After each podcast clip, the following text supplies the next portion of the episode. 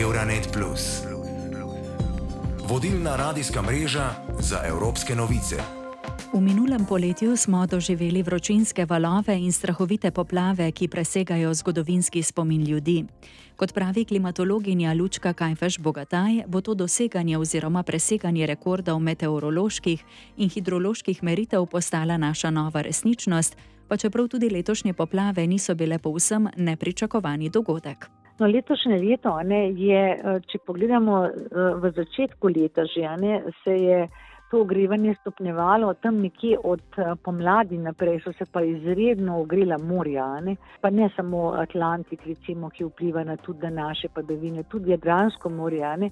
Ta temperatura je bila resnično tako, je še vedno tako visoka, da je bilo pričakovati, da bo seveda ta voda, ki zdaj iz tople vode izhlapiva v toplo vzrače, slejko prej pade seveda tudi na tlane.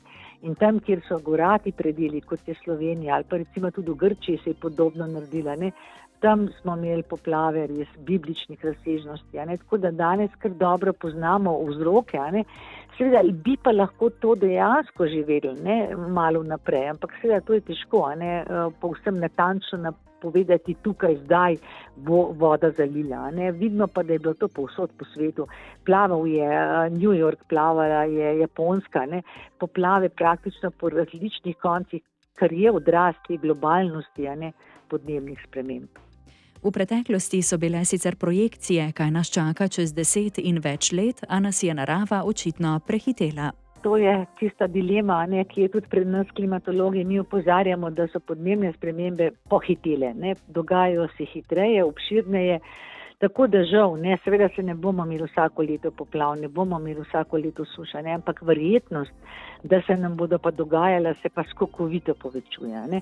Tako da na to novo realnost se moramo dobro pripraviti, to je pa gotovo, ne, da ne bojo škode tiste, ki nam bojo recimo izpodkopavali kakovo življenje ali pa naše gospodarstvo. Izrednim vremenskim dogodkom najbolj mogočno botrujejo močna prisotnost fosilnih goriv in pa tudi naša ignoranca, da so vremenske spremembe sicer že prisotne, mi pa ne vlagamo dodatnih naporov v prilagajanje novim situacijam. Dve stvari bi jaz rekla. Seveda, prvo so sami vzroki podnebnih sprememb, kjer uh, še vedno ne, fosilna goriva upravljajo naše življenje, ne moramo se jim odreči in uh, seveda vsak dan znova ne, v prometu, pri ogrevanju, ne, ki se bo zdaj začelo, povzročamo izpuste. No, ampak druga napaka ne, ali pa druga stvar, ko delamo na robe, je pa, da enostavno ignoriramo, da so podnebne spremembe že tukaj ne, in ne vlagamo dovolj napora v prilagajanje nove situacije. Ne.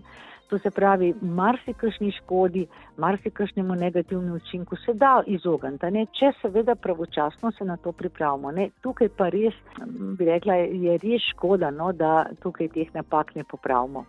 Vremenskih ekstremov se ljudje najbolj bojimo in teh bo v prihodnosti vedno več.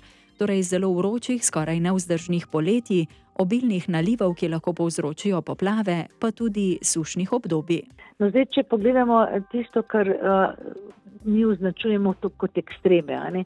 To je tisto, kar se nam že dogaja in tega se nekako najbolj bojimo. To se pravi, med ekstremi bi omenila izjemno vročino, recimo verjetnost, da imamo ta neznosno vroča poletja, se je že zdaj povečala za desetkrat.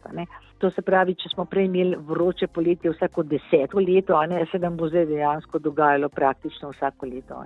To so prvi tipi ekstremov. Vse drugega smo letos doživeli, obilni nalivi, ne, ki lahko povzročijo tudi hudurniške poplave, pa seveda tudi v nadaljevanju poplave tudi na drugih koncih, ne samo, kjer smo jih recimo letos v Sloveniji imeli, ne na zadnje tudi celje bi bilo lahko pod vodo, da ne omenjam Ljubljane. Tukaj smo prav vsi v Sloveniji enako skoraj da ogroženi. To so ekstremi. Sveda tudi to počasno dvigovanje temperature ima svoje negativne posledice. Mi imamo nove škodljivce, mi imamo recimo razmah podlubnikov, vse kar je recimo za vročino prihaja, ne, nove bolezni prihajajo. Ne, tako da tudi ti postopni dvigi temperatur pomenijo neko nevarnost. Ne. Pa seveda še omenjam suše, ki jih letos sicer nismo imeli, se pa tudi plazijo, ne, dejansko to so plazeče nevarnosti in tudi verjetno za suše v Sloveniji je danes bistveno večja kot pred 30 leti. pa se tudi tukaj nismo odreagirali, nimamo namakalnih sistemov, nismo obnavljali vodovodov, recimo, nimamo nekega trdnega uh, sklepa, kako vrčevati z vodo in podobno. Ne. Tako da ja, tle imamo neke velike prežeče nevarnosti, pa tudi te, ki prihajajo postopoma. Ne. Tako da um, žal, ne, je pa veliko teh posledic negativnih. Imamo tudi pozitivne stvari, ne na zadnje imamo daljšo turistično sezono še v oktobru ne se da kopati v morju ne, ali pa hoditi v hribe. Tako da so tudi neke dobre stvari, ampak žal, žal ne te, bi rekla, bolj negativne prevladajo. V luči vremenskih rekordov, kot tudi večina smočišč v Sredogorju ostaja zelenih, tekmovanja v zimskih športih pa odpadajo, je na mestu tudi vprašanje, kako pogoste bodo sploh še prave bele zime. Zime so zelene v dolini in bodo vedno bolj zelene tudi v višjih območjih. Ne. Nekako tam nad 2000 metri ne, bo še vedno sicer sneg in vse, tako kot je bilo, ampak večina ljudi doživlja zimo v nižini a tudi smušarski centri, recimo, ki so naši bolj kot ne nizko, a ne ležeči, bodo imeli ali pa že imajo težave s pomankanjem snega. Ne? Ampak bo pa še nova okoliščina, ker ko padavine ne bojo padle kot sneg, bodo seveda tudi zelo hitro odtekle. Tako da mi bomo morda izkusili tudi zimske poplave, česar sploh nismo bili prej navajeni. Tako da ja, ta sprememba v kroženju vode je po zimi tudi zelo očitna. Neljube vremenske situacije doživljajo skoraj da povsod po svetu. Ponekod divjajo poplave, drugi deli sveta se dušijo v vročini in požarih, nekje merijo rekordno visoke dnevne in nočne temperature. Kot poudarja Kajfeš Bogatajeva, so države odvisne druga od druge, vedno več pa bo v prihodnosti tudi podnebnih migrantov. No, tukaj je že dost hudo, ne, kar omenjamo. Ne, dejansko, da na našem ozemlju, ki je, uh, bi rekla, gorato, ki je razgibano, ki leži med Alpami in morjem, ne, to je ozemlje, ki je bilo tudi brez podnebnih sprememb, ne priča naravnim nesrečam. Ampak tisto, na kar jaz opozarjam, sedaj je pa tudi odsev dogajanj v drugih deželah. Ne? Sej nimamo samo mi podnebnih sprememb ne? in to se odseva tudi pri nas. Ne, ne na zadnje, mi smo uvozniki hrane. Ne? To se pravi, če bo imela mačarska suša, bo recimo mačarske hrane manj ali pa bo dražja. Ne? Mi dobivamo zelenjavo iz Španije, kjer sedaj imajo tudi težave. Ne? Ali pa recimo tudi pri naravnih nesrečah, vse smo v Evropi ne, in tukaj je ena država, ki ima večjo smolo, pravzaprav na dolgi rok šibi tudi ostale države. Pa seveda tisto, kar je hudo za sprejetje, da bomo imeli seveda tudi podnebne migrante. Ljudje bojo prihajali iz držav, kjer vode ne bo, iz bližnjega vzhoda recimo. Ne. Tam je kriza vodna najhujša in seveda to bo tudi nekaj, kar bojo podnebne spremembe prinesle pa se tudi na to ne znamo ali pa nočemo prilagajati ali pa sploh razmišljati o tem, pa nas to čaka mogoče v naslednjih desetih letih. Tudi Egidius Rimkus, profesor na oddelku za hidrologijo in klimatologijo na Univerzi v Vilniusu, pravi, da nam grozi podnebna migracijska kriza.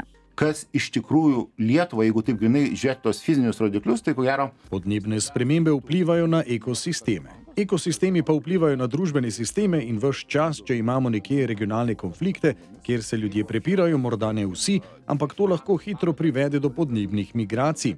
Ko govorimo o povečanju človeške populacije, morda se ta v Aziji zdaj stabilizira, to da na afriški celini človeška populacija zelo močno raste in ozračje ponekod je precej napeto in potem se recimo nenadoma zgodi naravna katastrofa. Ljudje se borijo drug z drugim, kar privede do regionalnih konfliktov. Potem pa se ti ljudje selijo na evropsko celino v iskanju boljših pogojev za življenje. Moje mnenje je, da so podnebne spremembe najprej neposredna grožnja, da bomo recimo deležni več vročine, hkrati pa s podnebnimi spremembami obstaja tudi grožnja naši nacionalni varnosti. Tai labai stipriai veikia ir mūsų, aišku, žiemos, jos ir toliau trauksis. Sicer pa, če se vrnemo nazaj domov, kar se tiče Slovenije, pravzaprav nobena regija ni vremensko neutralna oziroma varna, stanje pa varira tudi glede na letni čas. Jaz bi tako rekla, v letnih časih različno. Ne? Če bomo rekli o vročini, je sigurno Gorenska varna pred vročino, mnogo bolj ali pa varna pred dvigom morske gladine. Ne? Po drugi strani se nam pa potem lahko rečemo, obetajo neki padavinski dogodki, ki jih pa mogoče na dolenskem ne bojo imeli. Ne? Tako da tukaj le, da bi absolutno varno bilo, mislim, da v Sloveniji ni lokacija, ne? je pa res, da so te, bi rekla, vremenske nevšečnosti pa potem iz regije v regijo malo drugačne. Kot pravi Kajfeš Bogatajeva, pa se je Slovenija v zadnjih letih ukvarjala predvsem z blaženjem podnebnih sprememb. Pozabili pa smo na prilagajanje letem in na pristojno institucijo, ki bi se s tem ukvarjala.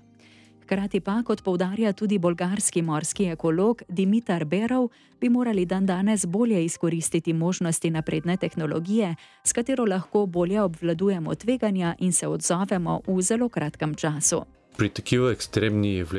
Ob takšnih ekstremnih pojavih, ki ustvarjajo tveganja za okoljske probleme, imajo strokovnjaki in institucije možnost, da hitro in enostavno informirajo.